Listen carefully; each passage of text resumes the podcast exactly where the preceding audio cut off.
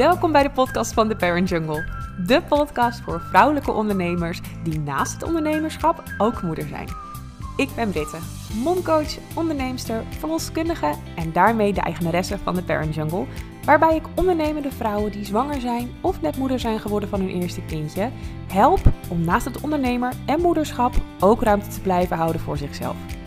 In deze podcast kun je mooie en eerlijke verhalen van mede-onderneemsters, interviews met interessante gasten en waardevolle inzichten en lessen uit mijn eigen ervaring verwachten. Heel veel luisterplezier! Zo, vandaag zit ik aan tafel met Siska van I Am Groots. En Siska, die ken ik van een hele toffe masterclass die zij gegeven heeft in de opleiding Energetisch Ondernemen. Ehm, waar zij vertelde over human design. Want Siska is marketingcoach en niet zomaar marketingcoach. Uh, Siska, vertel, wie ben je, wat doe je en waarom doe je wat je doet? Zo, nou, goede, goede start.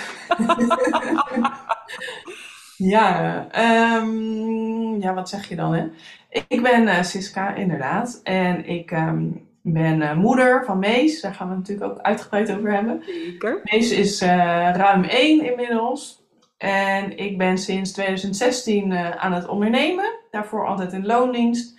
Maar daar kwam ik achter dat dat toch niet helemaal voor mij werkte. Binnen alle kaders en alle dynamieken binnen zo'n bedrijf. Dus in 2016, nadat ik overspannen ben geraakt in 2015 voor mezelf begonnen. En nu inderdaad uh, werk ik uh, uh, met andere ondernemers met een dienst en help ik hen met marketing by design. Dus vanuit hun human design hun marketing en hun bedrijf inrichten. En als je denkt, wat de hel is human design, kan ik me voorstellen. Um, human design is een combinatie van wetenschap en meer esoterische stromingen, zoals de I Ching, de Kabbalah, de chakra-leer. En de uh, Human Design zegt eigenlijk dat iedereen van ons geboren is met een bepaalde blauwdruk. En in die blauwdruk ligt eigenlijk alle informatie, liggen alle antwoorden verscholen over hoe jij het beste in dit leven uh, tot uiting komt. Hoe jij op de beste manier jouw potentie vervult en geluk en tevredenheid en voldoening en rust vindt. dus daar liggen jouw unieke kwaliteiten liggen daarin. Ehm, de strategie in je leven die jou naar het beste succes en het meeste geluk brengt. Uh, maar ook dingen als uh, structuur en routines. Past dat bij je of past dat niet bij je? Um, als je ondernemer bent, hoe mag je dan doelen stellen? Uh, tot en met hoe je eet, hoe je slaapt en zelfs wat voor omgeving het meest voedend en het beste bij je past. Er ligt zoveel in verstopt. En ja, Mega interessant. Als ik jou dit ook zo zie vertellen, het straalt er gewoon van af. Dit past volgens mij ook zo goed bij jou. Ja. ja. Um, het, Wat ik zelf heel erg leuk vind, is ik, ik kende Human Design helemaal niet. Maar tijdens die masterclass was dus mijn eerste kennismaking daarmee. En dat was zo nou, confronterend aan de ene kant. Um, maar ook heel rustgevend om, om de dingen te horen die je vertelde. Hoe ben jij zelf bij Human Design gekomen? Nou, dat is wel uh, uh, grappig. Um, ik ben een generator voor iedereen die een klein beetje van human design uh, afweet.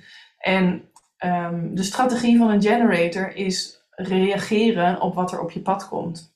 En niet initiëren, zoals voor de manifester. Jij was een manifester, toch? Ja. Ik was een manifester, ja. Ja, of jij bent een manifester. Ja, heel cool.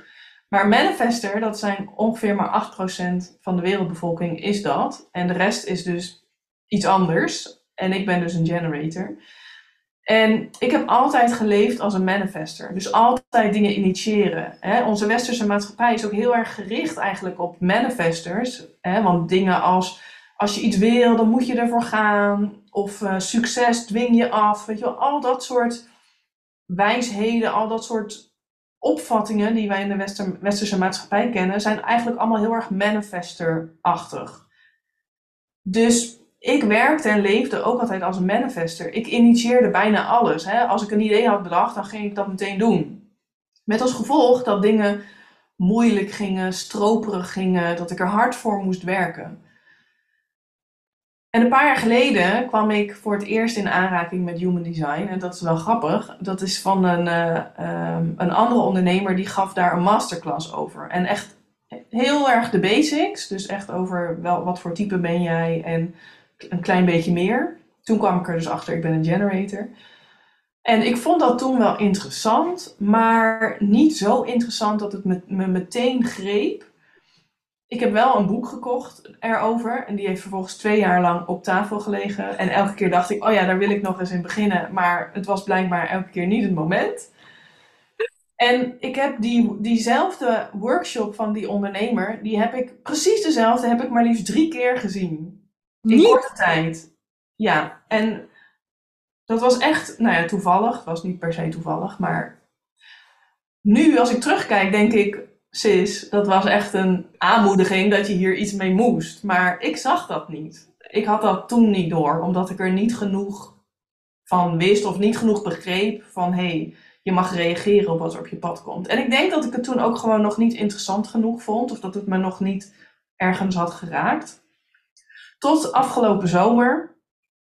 Toen uh, had ik mezelf een leuke uitdaging gegeven om uh, elke dag live te gaan op Instagram, twee weken lang. Ik hou altijd van een soort van spelletjes spelen, mezelf uitdagen, experimentjes doen. Staat ook in mijn design, grappig genoeg.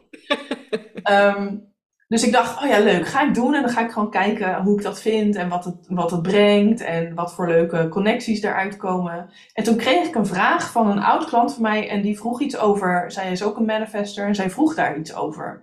En toen zei ik, ja, ik ben niet echt een expert op human design. Dat was ik toen nog niet. Ik was daar toen nog niet mee bezig. Maar ik zei, ik ken wel iemand. Ik ga vragen of zij met mij live wil gaan over jouw vraag. Cool. En daardoor ging het bij mij zo weer kriebelen. En toen dacht ik van, oh, dit is toch wel echt zo interessant. En toen, nou ja, het een na het andere over human design kwam toen op mijn pad. Het was echt een soort van hoos of zo bijna.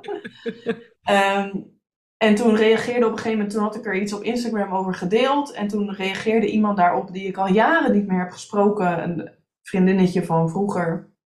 En die zei van, oh, ben je daar ook mee bezig? Wat leuk. Oh, ik ook. Ja, ik heb daar een opleiding in gedaan. Toen zei ik, oh, wat leuk. Mag ik weten welke opleiding dat is? Dus toen had ze dat gedeeld. Dus toen ging ik eens op die website kijken. En toen dacht ik echt, oh, ja, dat wil ik ook.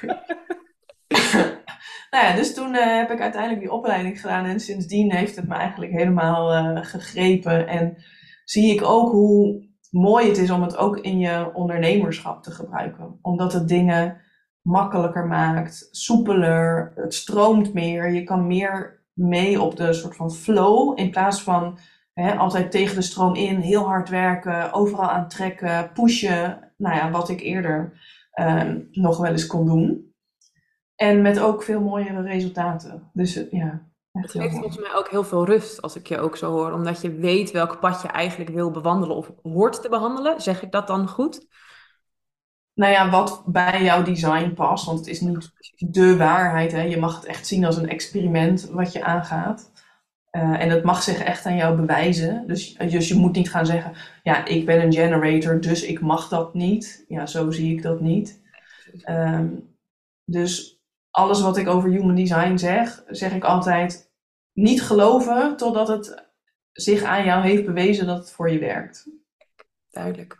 En waar ik meteen eigenlijk heel erg aan over, over aan nadenken ben, is natuurlijk de link naar het moederschap. Want um, was je al met human design bezig toen jij moeder werd?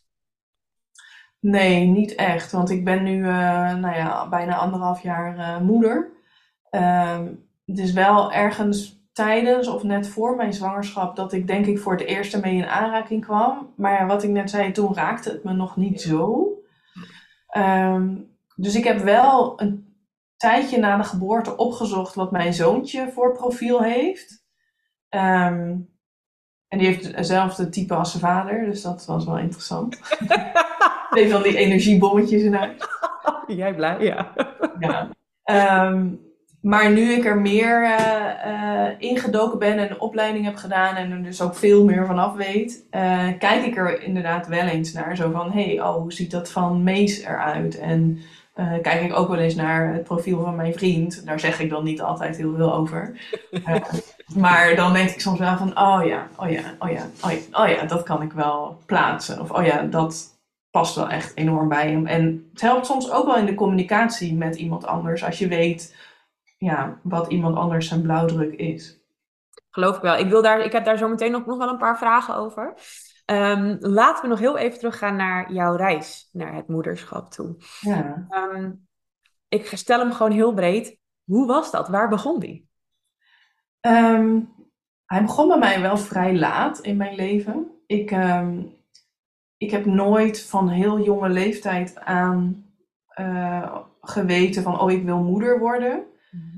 Dus veel vriendinnen van mij werden nou ja, een stukje eerder moeder dan ik, uh, ik werd.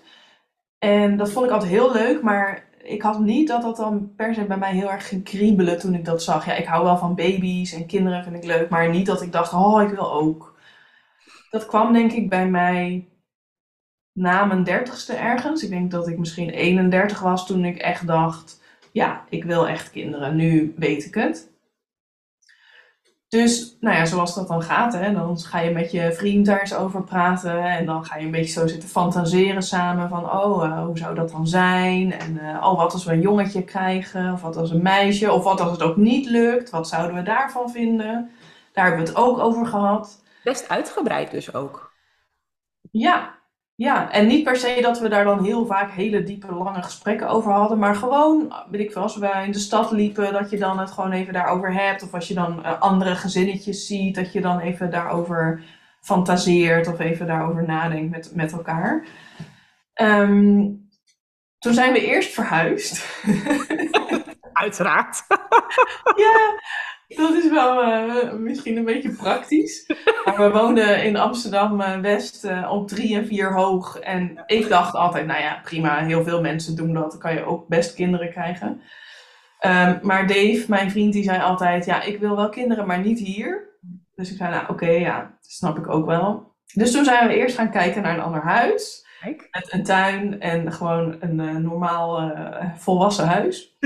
Grote mensenhuis, ja. Ja, toen waren we inmiddels wel al begonnen met, uh, met proberen zwanger raken. Dus het was niet helemaal van, oh, we moeten eerst verhuizen en dan pas gaan we beginnen. Maar um, ja, het was wel voor Dave heel belangrijk dat we niet op drie hoog zouden wonen. En hij zei, ja, jij met dan zo'n zwangere buik en met een kinderwagen, hoe ga je dat dan doen? Dat is toch helemaal niet fijn? Nou ja, dat uh, was vooral een harde eis voor hem. nou, vind ik wel heel goed dat hij daarover nadenkt hoor. Ja, zeker. zeker. Hij, uh, hij leefde wel met me mee. Ja. ja. En toen um, duurde het best wel eventjes voordat ik uh, zwanger raakte. dus het was niet van, oh, bij de eerste keer proberen was het raak. Helemaal niet extreem lang hoor. Ik denk dat het een maand of acht of zo duurde. Dus hartstikke normaal. Nou, toen waren we natuurlijk heel blij. En toen na een week of acht uh, gingen we naar de uh, verloskundige voor de eerste echo. En toen kwamen we erachter dat het hartje niet meer klopte. Achteraf heb ik ook precies gevoeld wanneer dat hartje is gestopt met kloppen. Heel bizar, maar ik, ik voelde dat gewoon ergens. Opeens voelde ik me totaal anders. Heel, heel bizar. Oh, ja. Um, nou ja, dat was natuurlijk heel verdrietig en moeilijk. En uh, ja, ik weet nog dat ik echt uh, een paar dagen gewoon voor me uitstarend en huilend op de bank heb gezeten. En ik vond het echt, ik vond het echt heel erg. Ik vond het echt heel verdrietig. Mensen onderschatten dit. Want er wordt vaak door de omgeving, vind ik altijd, heel makkelijk over gepraat. Uh, van ah joh, het is een miskraam, het was er nog niet. Dus weet je, waar maak je druk over? Maar het kan echt voelen als rouw. Want het, het is echt dat je van iets afscheid moet nemen. Dus ik vind het ook heel mooi dat je daar zo open over bent. Want dat mag ook. Het mag ook echt wat teweeg brengen bij je. Ja. En had jij toen al wel een eigen bedrijf? Ja. En hoe had dat nog een weerslag op elkaar? Mm, nee, dat denk ik niet. Maar ik heb wel die week heb ik niet gewerkt en alle afspraken afgezegd. En nou ja, alleen maar een beetje voor me uit uh, zitten staren op de bank en heel veel gehuild. Uh, maar verder denk ik niet per se. Nee. nee. Hoe was het voor Dave? Ja, wel anders. Die was ook verdrietig en teleurgesteld, maar die kon ook wel vrij snel weer ja, door, knop om. En nou ja, oké, dit is echt super balen, maar hè, het komt wel weer goed en we gaan het gewoon nog een keer proberen. En ik denk ook dat het, nou ja, niet voor alle mannen misschien, maar voor sommige mannen ook wel anders is, omdat je het niet echt letterlijk in je lijf hebt gedragen. En je hebt dan ook nog al die hormonen. Ja. En ja, je kan ook natuurlijk heel erg als vrouw ervaren dat je faalt of dat je lijf het niet kan of daaraan gaan twijfelen. Dat had ik niet zo heel erg, maar ik kan me wel voorstellen dat je dat wel, nou ja, dat het wel door je hoofd schiet of dat je daar heel onzeker van wordt. Nou, dit is, dit, dit is voor mij iets wat ik heel vaak hoor, inderdaad. Dus ik vind het heel mooi dat je dat los van elkaar hebt kunnen zien. En ook hoe mannen er over het algemeen mee omgaan. Dit zie ik heel vaak. Dat voor mannen is het echt wat meer abstract. En omdat het in jouw lijf zit en precies ook met die hormonen, het is echt heel anders. Dus daar staat soms ook al een beetje struggling van waarom is het dan voor hun makkelijker en voor mij moeilijker tussen aanhalingstekens. En ik denk dat de kracht daarin heel erg zit en ik weet niet hoe jullie dat toen hebben opgelost, om elkaar daar ook vooral de ruimte in te geven. Ehm, ja, pittig. Ja, dat was wel pittig. En ik denk vooral omdat ik was gewoon heel naïef in het hele zwanger worden gestapt. Dus totaal niet nagedacht over dat het heel vaak gebeurt, dat het, hè, dat het niet goed gaat. Maar ik had, dat was gewoon niet door mijn hoofd gegaan. En daardoor was het gewoon echt een soort shock even toen we bij de verloskundige waren. En ja, ze dus echt zei, ja, ik heb slecht nieuws voor jullie. Nou, ik dacht echt, wat? Hè? Huh? Hoe kan dat? Weet je wel, ik had er gewoon niet bij nagedacht. Ik had alleen maar dat blije scenario in mijn, in mijn hoofd. Dus ik moest echt even een beetje van die shock bekomen. En ik weet ook nog dat we bij de verloskundige zaten. Dan gingen we daarna weer in de spreekkamer, zeg maar, toen we de echo hadden gehad. En toen gingen we het even over hebben. En toen vroeg ze ook van, ja, wat willen jullie? Willen jullie, vroeg ze aan mij van, wil je uh, je lijf uh, de tijd geven om het zelf los te laten? Of wil je een curettage in het ziekenhuis? Of wil je erover nadenken? En ik zat daar gewoon echt een beetje zo, uh, ja, poeh, uh, ja. Nee, ja, ik wil mijn lijf het zelf laten opruimen eerst. Ik wil niet uh, naar het ziekenhuis. Um, maar echt een beetje soort verdoofd. En pas buiten dat ik echt helemaal in tranen uitbarstte. Ik moest echt even een soort van bekomen. Een beetje shock, um, Ja, echt wel even een beetje shock. Ja, oh, ik had gewoon niet daar rekening mee gehouden. En dat is een beetje naïef, ik weet het. Maar het was gewoon niet in mijn hoofd opgekomen daarvoor. En ik denk ook logisch, want ik denk dat veel mensen ervan uitgaan van ik vertrouw in mijn lijf en het komt goed. En um, je bent met zulke andere dingen bezig eigenlijk als je net zwanger bent. Je, ik snap je, ik snap het helemaal. Ja. Ik denk dat het heel menselijk is, dat denk ik. Hey, en na de miskraam, hoe zijn jullie toen verder gegaan? Nou, het duurde best wel even voordat uh, het vruchtje uit mijn lijf kwam. Dat ging ook niet vanzelf. Dus uiteindelijk, na een week of vier of zo, denk ik, heb ik gezegd van nou, geef me maar medicatie om het op te wekken, want het, het liet niet los. En in de eerste week vond ik dat oké, want ik dacht, hey, ik wil ook de ruimte geven en zelf ook in mijn hoofd afscheid nemen. Maar op een gegeven moment wil je toch door. Dus toen uh, kreeg je in het ziekenhuis kreeg je dan van die pilletjes. En toen, uh, nou ja, met uh, heel veel weeën en een soort weestorm kwam het los. Toen bleek daarna dat nog steeds niet alles had losgelaten. Dus moest ik alsnog een curettage. Nou, toen dacht ik echt, oh, dat was echt het laatste wat ik wilde. Maar nu heb ik echt alles gehad. Ze waren ongeveer twee maanden verder, denk ik. En toen zei iedereen, dus de verloskundige, de gynaecoloog, maar ook mensen in onze omgeving. En dat is allemaal lief bedoeld, ik weet het zeiden ze van, oh ja, de meeste stellen zijn dan binnen twee en vier maanden wel weer zwanger. Nou ja, dat ging natuurlijk in mijn hoofd zitten, dat ik na vier maanden dacht, maar ik ben nu nog niet zwanger, waarom niet? Dus ik dacht echt, ja, is er iets mis? Of waarom duurt het zo lang? Of ligt het aan mij dat ik er dan nu zo mee bezig ben? En nou ja, ik ging helemaal een soort van overanalyseren, terwijl ik echt dacht, ik herken mezelf bijna niet zo. Um, en toen, um, hoe lang heeft het toen geduurd? Ik denk dat het toen zes maanden na die curettage, uh, dat ik toen zwanger raakte. En eigenlijk toen, wat mij geholpen heeft, is door een gesprek met een vriendin. die vroeg aan mij van, eh, omdat ik er zo mee bezig was en ging twijfelen helemaal van, hè, maar het is nu zes maanden later en waarom is het nu nog niet? En iedereen zegt dat je binnen twee tot vier maanden waarschijnlijk wel weer zwanger bent. Dat ben ik niet. Door een gesprek met een vriendin kon ik het echt een beetje loslaten. En iets relaxter erin zijn en denken, oké, hoe kan ik het iets meer loslaten en overgeven aan wanneer het gebeurt, dan gebeurt het. En dat gesprek heeft me super geholpen en die maand was ik ook zwanger. Ja. Het is heel gek. Dit hoor, ik, dit hoor ik vaker. Dat als je het ergens loslaat, dat er dan iets gebeurt of zo in je lijf, hoofd. Ja. En um, dit hoor ik ook wel eens bij fertiliteitstrajecten. Die, van die hele lange vruchtbaarheidstrajecten. En dan zo'n gesprek dat je denkt, nou, laat maar, ik zie het wel. En dan poef. Ja, ja, ik denk dat je mentale staat en focus erop uh, niet per se bevorderlijk uh, is als je er zo op gefocust bent. Uh, en nou ja, toen was ik zwanger en die keer ging het gelukkig allemaal helemaal goed. En kregen we een prachtige zoon als verrassing. Ja, dat begreep ik inderdaad. Nou, hoe heeft, nog één laatste vraag over die miskraam. Hoe heeft dat zich weer, heeft dat zich nog uit in de zwangerschap daarna? Heeft dat nog een rol gespeeld? Wel in de zin dat ik voorzichtiger was in het begin met heel blij zijn. Dus toen we erachter kwamen dat ik hè, voor de tweede keer zwanger was, was ik zeker heel blij. Maar waren we ook zo van, nou, hè, we, we gaan eerst maar even de eerste echo's en die eerste twaalf weken afwachten om te kijken of alles goed is. Dus we waren iets minder euforisch dan de eerste keer. Maar toen we eenmaal uh, het hartje gezien hadden en dat alles er super goed uitzag, ja, toen uh, was het natuurlijk heel erg opluchting. En toen was het wel ja, oké en uh, denk ik dat het gewoon een hele gemiddelde, fijne, goede zwangerschap was. En heb ik me niet zo heel veel zorgen gemaakt verder over is het allemaal wel goed. En 20 weken echo is altijd een beetje spannend, maar dat vond ik ook, ja, daar maakte ik me ook niet heel erg zorgen om. Ik had wel vertrouwen erin. Ja. In het begin dus eigenlijk een beetje onder voorbehoud blij. Ja.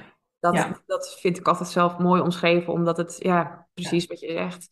Ja, je weet het niet. Ja, en zeker als je het al een keer hebt meegemaakt, eerst maar zien en dan geloven. En als het dan zo is, ja, dan, dan hoor ik heel erg vertrouwen bij je. Prachtig. Ja, ja. ja dus we hebben ook echt gewacht met het aan mensen vertellen ik denk dat we mijn familie het met 14 weken hebben verteld. Toen was het ook met kerst. Dus we hadden helemaal allemaal leuke verrassingen bedacht. En cadeautjes waar ze dan allemaal hints uit konden aflezen en zo. Leuk. we hadden ook bewust gewacht tot met de kerst. Ehm, maar ja, toen was ik volgens mij 14 weken, denk ik. Dus we hebben wel ook ietsje langer gewacht. Deels door de timing, maar ook wel... Ja, je wilt toch allemaal gewoon maar even rustig afwachten. Ja. Hey, en in de zwangerschap was jij natuurlijk al wel ondernemer. Hoe was dat verlof voor jou? Oh ja, nee, ik heb echt, uh, nou de eerste weken misschien nog een heel klein beetje gewerkt, maar verder eigenlijk echt niet. Um, dus uh, nee, ik had allemaal dingen die doorliepen, maar dat was allemaal niet waar mijn aandacht uh, voor nodig was actief. Ik had ook iemand ingehuurd om de dingen die wel nog moesten gebeuren, die had ik ingehuurd om wat dingen over te nemen van mij. En ik heb mijn VA gewoon laten doorwerken, zeg maar, in mijn verlof. En die kon dan alle mailtjes en dingen die nog binnenkwamen, kon zij uh, uh, afhandelen. Dus ik heb eigenlijk ja, niet of nauwelijks in mijn verlof uh, gewerkt. Was je daar achteraf ook blij mee dat je dat zo hebt aangepakt? Heeft het je veel gebracht? Mm, ja, nou ja, nee, niet per se. Ik had denk ik wel liever mijn verlof niet zo strikt genomen als dat ik deed. Want ik had heel erg zo van, oh ja, dan ga ik ongeveer vier weken van tevoren ga ik met verlof en dan moet ik stoppen met werken. Maar ik had eigenlijk liever gewoon doorgewerkt, want dat vond ik veel leuker. En nu zat ik echt soort van te wachten, een beetje duimen te draaien. En um, me ook gefrustreerd te voelen, omdat het leven van Dave ging gewoon door. En hij had allemaal leuke barbecues. En dan ging die pizza eten met vrienden in het park. En ik zat hier maar een beetje thuis zo te wachten. En dan was ik eigenlijk alleen maar een soort chagrijnig en boos mens. Omdat ik dan zei, ja, jij gaat allemaal leuke dingen doen en ik zit hier maar een beetje. Dus, ja, dus ik, ik denk dat het voor mij beter was geweest als ik het niet zo strikt had genomen. En gewoon had gedacht van, oké, afspraken, dat hoeft niet meer. Of coaching, dat hoeft niet meer. Maar verder ga ik gewoon nog werken als ik daar zin in heb. En hoeft mijn verlof niet per se op een bepaalde datum te starten. Dus ik had het nog een beetje heel erg vanuit een soort van standaard van, oh ja, je moet dan verlof nemen en dan moet je dat doen, dan moet je stoppen. Terwijl ik eigenlijk nog ja, wel zin had en energie had om gewoon nog lekker te werken, want dat vind ik heerlijk. Duidelijk. Grappig, want ik hoor hier dus heel veel verschillende verhalen over. Ik hoor dus ook juist weer het omgedraaide, dat mensen er dus juist heel erg in doorslaan. Maar eigenlijk wat ik denk dat ik dit antwoord het eigenlijk het mooiste vind, dat je natuurlijk juist, je hebt een bedrijf gecreëerd waarin je vrijheid hebt. Dus hoe tof is uh, het, als je daar zin in hebt, dat je het ook gewoon kunt gaan doen. Ja. ja. Hey, en toen was Mees geboren, toen was je moeder. Ja, ja nou toen kon ik niet werken hoor. Vertel! Ja, nee die, uh, nee, die eerste weken zijn natuurlijk wel pittig. dat uh, alles is nieuw natuurlijk. hij is onze eerste. Um, en uh, wij hebben uh, het eerste jaar weinig slaap, uh, of nou ja, veel gebroken nachten gehad. Dat duurde echt lang voordat hij ging doorslapen. Dus dat, ja, dat hakte er wel echt in. Die eerste maanden vond ik echt heel pittig. En ehm, ik moet zeggen dat ik mijn verlof ook wel echt een pittige tijd vond. Waarom vond je dat een pittige tijd? Ik vond het heel eenzaam. Ja, want je bent dan alleen met zo'n babytje. Ehm, wat natuurlijk fantastisch is. Weet je, je hebt een kind en je hebt zoveel liefde voor, voor je kind. En de eerste dagen kan je alleen maar naar hem kijken en dan denk je, oh, oh jeetje, ik heb jou gemaakt. Maar ik vond het ook heel eenzaam, want je bent thuis. Iedereen is verder gewoon aan het werk. Dave ging na vier weken weer aan het werk. Dus dat was heel fijn dat hij vier weken thuis was. Maar daarna ging hij weer aan het werk en is zijn leven weer hè, een beetje back to normal. En ik zat daar dan maar thuis met een baby en toch wel redelijk aan huis gebonden. Ja, je gaat wel even een wandelingetje doen en een boodschapje. En je gaat soms eventjes ergens naartoe of je spreekt soms eventjes wat af. Maar ja, de rest van de wereld heeft gewoon zijn verplichtingen en is niet ook vrij zoals jij. Dus ik ehm, vond dat wel moeilijk. Mijn wereld was heel klein. Ik ehm, kon ook niet heel makkelijk met hem overal naartoe, omdat hij moeilijk sliep. Ook niet in de auto. Dus kon, mijn familie woont bijvoorbeeld een uur rijden hier vandaan. Dus het was niet zo heel makkelijk gezegd, zo gezegd, zo gedaan. Ik stap in de auto en ik ga even bij mijn moeder op bezoek. Want dan was met zijn slapen dan weer zo'n gedoe. Want hij sliep dan weer niet. En dan, nou ja, overdag sliep hij dan ook weer heel moeilijk. En dan moest, moest hij weer gewiegd worden. Of in een hele donkere kamer. Of in de draagzak. Dus was heel erg druk wel met hem en zijn slaapjes. Ik denk ook omdat het de eerste is en dan maak je je daar ook nog heel erg zorgen om. Ik denk bij een tweede dat je er iets relaxer in bent. Ehm, ja, dus ik vond dat wel uh, pittig en niet uh, per se een. Ja, ik denk daar niet aan terug als een hele fantastische tijd met een roze wolk. Nee, niet echt. Moet ik ook zeggen dat een roze wolk ook eigenlijk een beetje, volgens mij 5% van de vrouwen voelt een roze wolk. En de rest van ons, die denkt, jongens, ik, het is gewoon echt, het is gewoon hard werken. En je hebt gewoon een nieuwe ehm, rol. Je krijgt gewoon totaal iets nieuws. Je hebt geen idee wat je eigenlijk doet. Precies wat je zegt. Je maakt je om alles zorgen. En wat ik uit ervaring hoor bij een tweede, maak je weer om andere dingen zorgen. Dan denk je, nou, dat slaapje komt wel goed, maar dan heeft hij weer wat anders. Het blijft gewoon zo zoeken. Ja. waar ik benieuwd naar ben. Stel dat jij ooit uh, nog een keer een kind zou krijgen. En dan hebben je over dat, dat stukje dat daarna. Zou je dingen anders gedaan hebben? Of zou je dingen anders gaan doen dan? Ja, ik denk wel dat ik het misschien meer uh, zou bespreken met meer mensen. En dat ik ook zou vragen van joh, kun je me helpen? Of kun je bijvoorbeeld een keertje langskomen? Heb je daar tijd voor? Dus ik denk dat ik er wel, dat ik wel meer om hulp zou vragen daarin. Um, nu heb ik het wel met wat mensen besproken. Maar ja, als die gewoon werken de hele week, dan kunnen ze niet heel veel voor je doen. Behalve je af en toe bellen en je lief berichtjes sturen, wat ze ook deden. Um, maar ja, dat hielp niet heel erg met dat eenzame gevoel. Nou ja, stel dat we nog een tweede zouden krijgen. We gaan ook verhuizen en dan wonen we nou ja, op fietsafstand van de families. Ah, dus ik denk dat dat sowieso ook heel anders zou zijn. Want dan kan ik gewoon zeggen, joh mam, kom even langs of ik fiets even naar jou toe.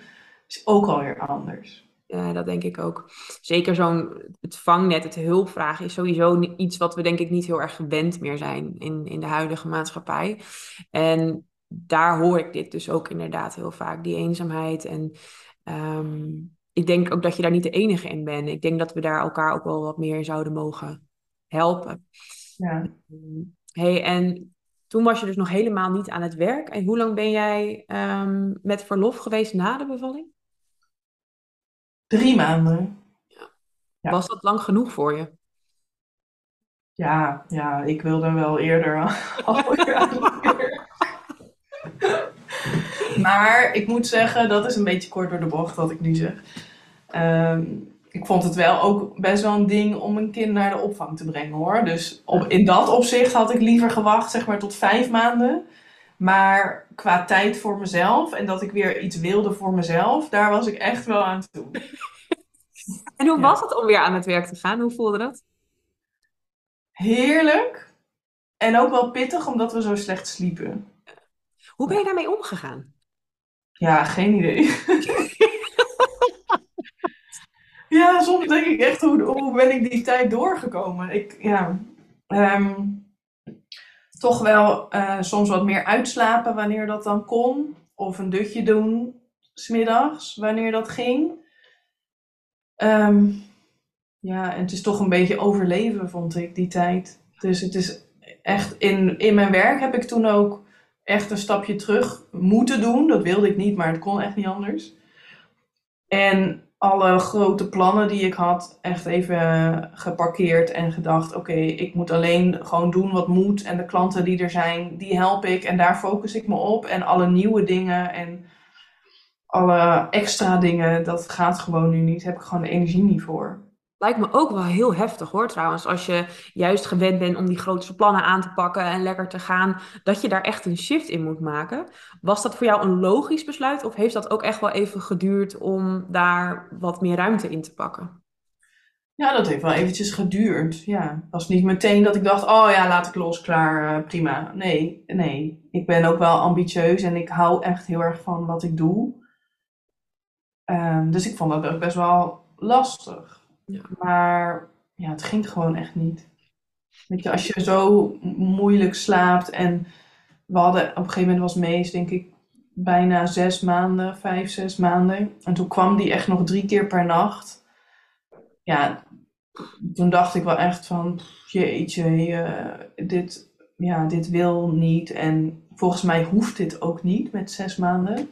Dus toen heb ik ook wel een sessie met een slaapcoach uh, gepland. Goed. En niet omdat ik hem in een soort van uh, strak schema wilde duwen, maar wel van even checken van, ja, kan ik iets doen om hem te helpen om twee keer of één keer per nacht nog te komen voor een voeding? Want ik vind het best wel veel en volgens mij is het niet zo nodig meer. En dat heeft wel geholpen om dat af te bouwen. En dat hielp ook wel. Hey, en als we dan nu een beetje doorspoelen naar hoe het er nu voor jou uitziet. Hoe is het te combineren, het moeder en het ondernemerschap? Hoe gaat dat voor jou? Ja, prima eigenlijk, ja. Ik ben wel een dag minder gaan werken. Dus ik werkte, voordat ik uh, moeder werd, werkte ik gewoon ja, fulltime. Al werkte ik nooit 40 uur, denk ik. Het was altijd al nou ja, een beetje wisselend in uren. Um, nu is de woensdag is mijn dag dat ik thuis ben met Mees. Dat was eerder was het uh, woensdag en de vrijdag dat ik thuis was. Maar dat vond ik niet zo heel fijn. Ik vond dat te veel thuis. Dus ik uh, vond het eerst best wel moeilijk om toe te geven aan mezelf. Dat ik niet gelukkiger werd van een dag extra thuis met mijn kind. Want ik had dat niet verwacht van mezelf. Ik dacht echt van, oh, ik word echt zo'n moeder die nou, niks liever wil en helemaal het gezellig vindt, lekker thuis. Maar ja, dat is gewoon toch niet. Tuurlijk vind ik dat, maar ik, ik heb echt tijd ook nodig voor mijn eigen dingen en voor mijn werk en ruimte voor mezelf nodig. Ja. Dus nu uh, werk ik vier dagen. En uh, dat geeft me ook de gelegenheid om als ik dat een keer wil, lekker smiddags een massage te nemen of te gaan wandelen of met een vriendin even een keer een koffietje te doen of even ergens te gaan lunchen. Die tijd heb ik daar ook mee en dat is echt heel fijn. En ja, ik vind het uh, heel, een hele fijne combi zo. Dus ik ga echt om vijf uur uh, probeer ik altijd echt naar de opvang te fietsen om hem lekker op te halen. Zodat ik nog eventjes tijd heb met hem voordat hij naar bed gaat. Uh, op de dag dat ik vrij ben, dan probeer ik echt ja, samen iets leuks te gaan doen. Lekker te gaan fietsen naar speeltuin of naar nou ja, wat, wat ik dan ook maar kan verzinnen. Um, en um, ja, ik, uh, het is prima te combineren. Ik ben natuurlijk heel flexibel in mijn werk. Dus, dus dat is natuurlijk ideaal. Het is voor mij denk ik makkelijker dan iemand in loondienst. Want ik hoef niet ergens te zijn om half negen. Ik begin rustig aan om tien uur. En om vijf uur uh, ga ik hier, stap ik op de fiets. Dus ja, in die zin ben ik, ben ik veel flexibeler en is het denk ik makkelijker dan uh, iemand die een, een baan heeft en op bepaalde tijden ergens moet zijn. Ik denk ook, als ik dit zo hoor, dat je voor jezelf ook hele duidelijke kaders hebt geschetst. Van oké, ik begin tien uur, ik ben dan klaar. Die dag focus ik me echt op meest. Die dag of die, dat dagdeel is echt voor mij. Dat doe ik echt iets waar ik energie van krijg. En ik denk dat daar heel veel kracht in zit. Ik, ik vind het heel mooi om dit zo te horen. Want uh, juist als je een bedrijf hebt wat flexibel is, kan het ook weer omslaan. Ik hoor ook moeders die tot s avonds 12 uur dan maar gaan werken omdat ze overdag met hun kind zijn. En juist door die balans zo goed te vinden, denk ik dat je het heel mooi voor jezelf hebt, hebt gecreëerd, als ik dat zo mag zeggen. Ja, nou ja, het klinkt misschien wel iets mooier dan het is hoor, denk ik. Want um, ik um, op bijvoorbeeld de dagen dat ik met uh, Mees ben, als hij slaapt, doe ik gerust nog wel wat werk. Omdat ik dan denk, oh dan doe ik nu even dat mailtje of doe ik nu eventjes dit. Dus het is, uh, ja, het is niet helemaal zo perfect. Maar ik kwam er dus ook laatst achter, door Human Design, dat ik niet per se van 9 tot 5 werk. Of van 10 tot 5, wat ik deed. Dus ik werk, dat helpt mij nu wel heel erg. Mijn werkuren zijn eigenlijk van 10 tot 1. Dan ben ik scherp, dan ben ik fris. Dat zijn echt mijn uren dat ik bijvoorbeeld mijn klanten help, maar ook dat ik echt belangrijke dingen voor aan mijn bedrijf doe. En smiddags wil ik eigenlijk gewoon geen afspraken, niks. Niet per se dat ik dan niet werk of nooit werk, maar dan wil ik echt voelen, heb ik, waar heb ik nu zin in? En soms is dat werken, soms is dat op de bank liggen, soms is dat een dutje, soms is dat uh, een massage. En daar probeer ik nu mezelf wat meer vrijheid in te gunnen dat de middagen open zijn. Dus dan doe ik vaak ook nog wel werk hoor. Maar um, ja, ook mezelf toe te staan om dan ook niet te werken als ik daar geen zin in heb. Eigenlijk geef je jezelf gewoon de ruimte om te doen waar je op dat moment zin in hebt. En is dat werk, ja. is dat werk. En dat is natuurlijk eigenlijk ja. fantastisch. Ja. En dat is vaak werk, maar ja, soms niet. En maar ik heb dus wel ontdekt dat ik heel graag s'avonds ook nog werk. Dus dan na het eten, als Mees ligt te slapen, en het liefst als Dave ook nog weg is, vind ik heerlijk om dan nog eventjes mijn laptop te pakken. Want dan heb ik echt de beste inspiratie. Dan heb ja, dan gewoon rust. Heerlijk. Dus dat soort uurtjes werk ik dan ook nog heel graag. En niet omdat het moet, maar het liefst werk ik dus ochtends en s avonds een beetje.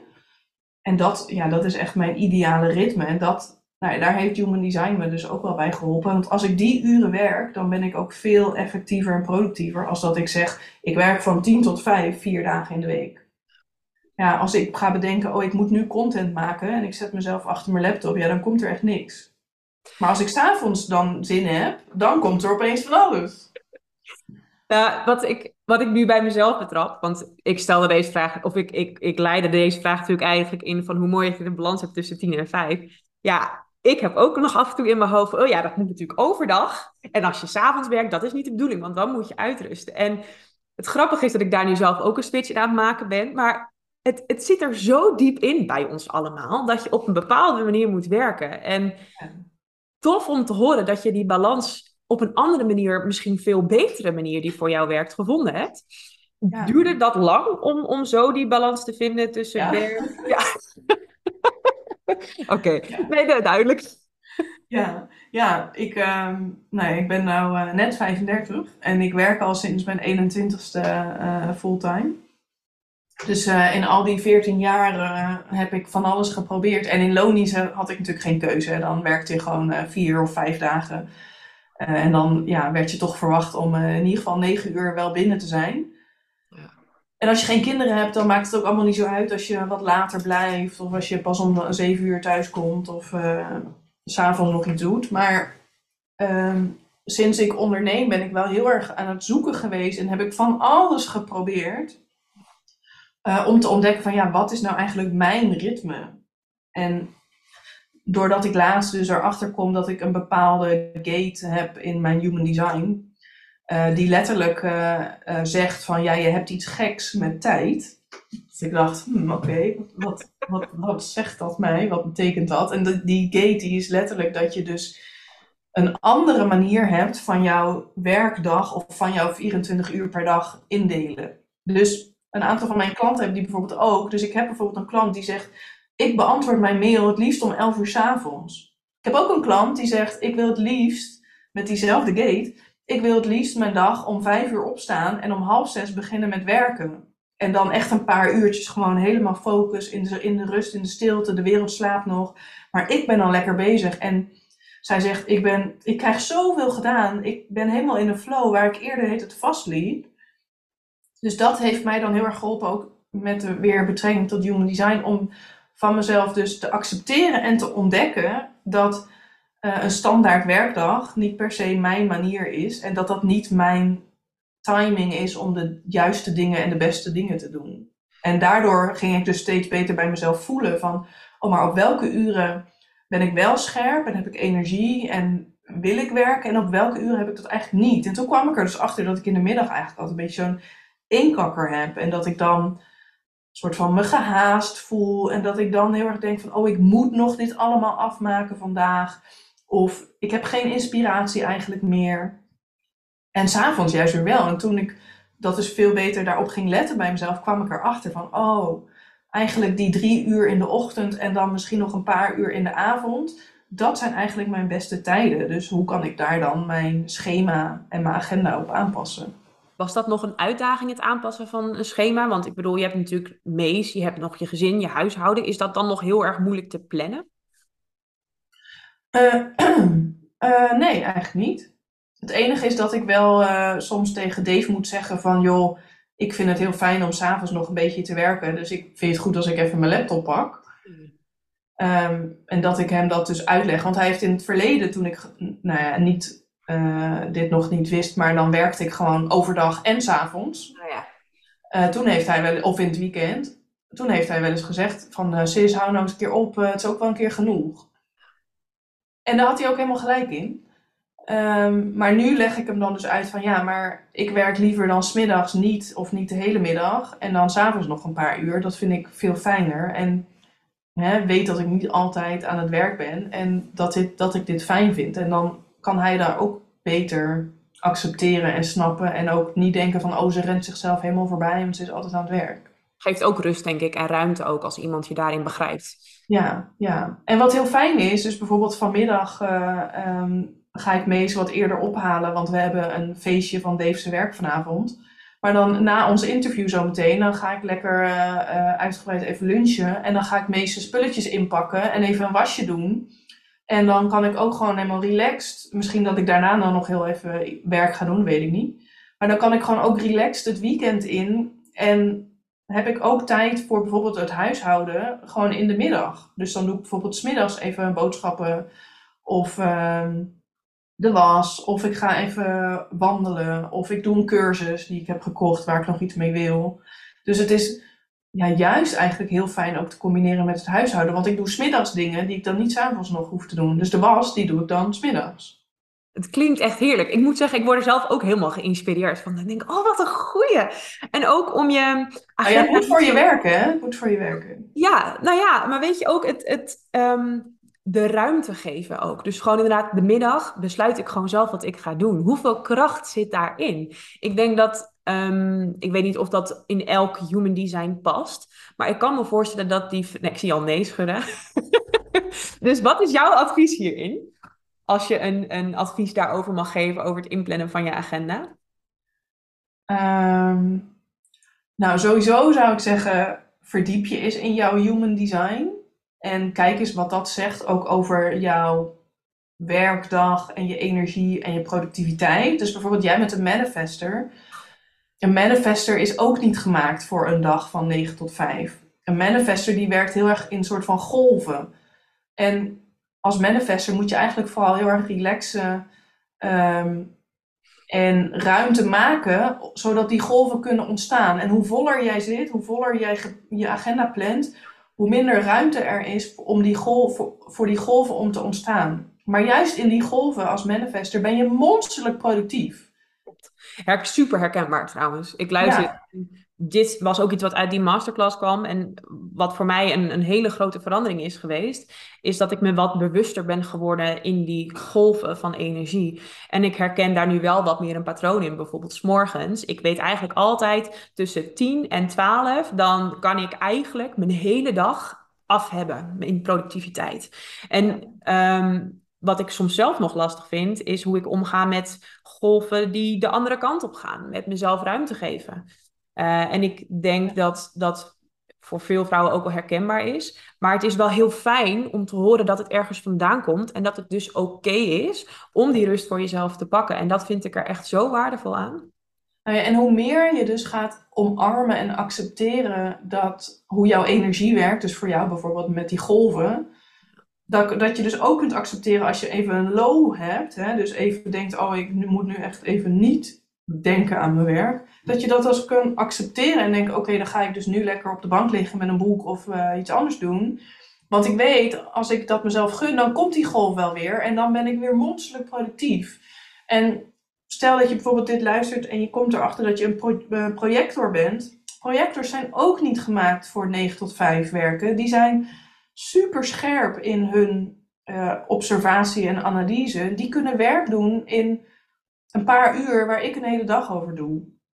Dus een projector die kan zeg maar het best tussen de twee en vijf uur per dag werken.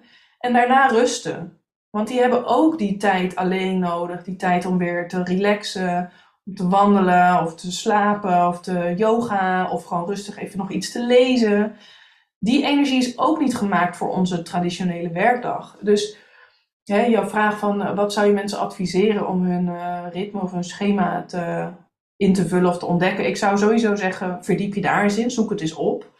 Ehm, maar ook denk ik, als je daar niks mee hebt of daar niet, uh, niks van af weet, voel eens goed bij jezelf. Wanneer voel ik dat ik zin heb om te werken? Dat ik productief ben, dat ik ideeën heb, dat mijn energie letterlijk soort van mij toetrekt naar mijn werk.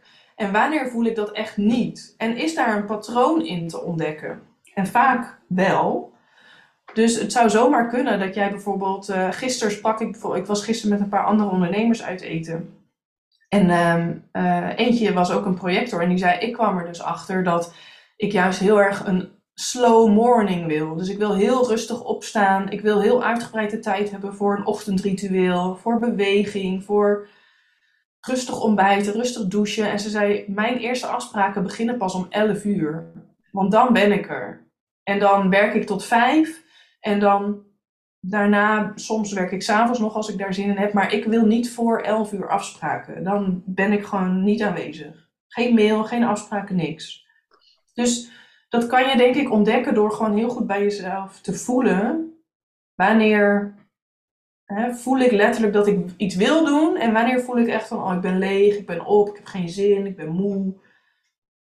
Ik heb geen zin om een afspraak te doen die ik heb staan. En hou dat eens bij voor jezelf en kijk eens of je daar een, een soort patroon in kan ontdekken.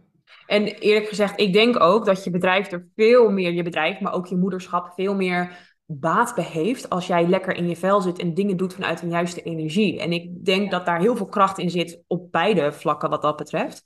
Um, hey, ik zit nog even te kijken, want ik heb nog één, hele vra één vraag voor je die ik zelf altijd heel leuk vind om te stellen. Als je nu terugkijkt op de afgelopen, nou, ruime jaar als moeder en ondernemer, waar ben je het meest trots op? Um,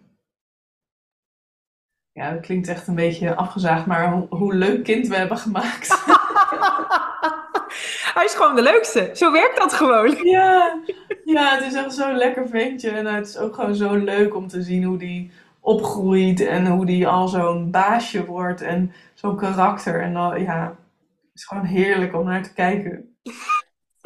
Goed zo. Alle clichés zijn dan ook gewoon waar. Ja. ja, echt zo. Mijn kind is het leukste. Ja, dat is ja, echt zo. zo. Ja. ja. ja. Siska, ik wil je onwijs bedanken uh, dat je vandaag in mijn podcast wilde zijn. Ik vond het een onwijs waardevol en inspirerend interview. Dank je wel. Heel graag gedaan. Dank je voor de uitnodiging.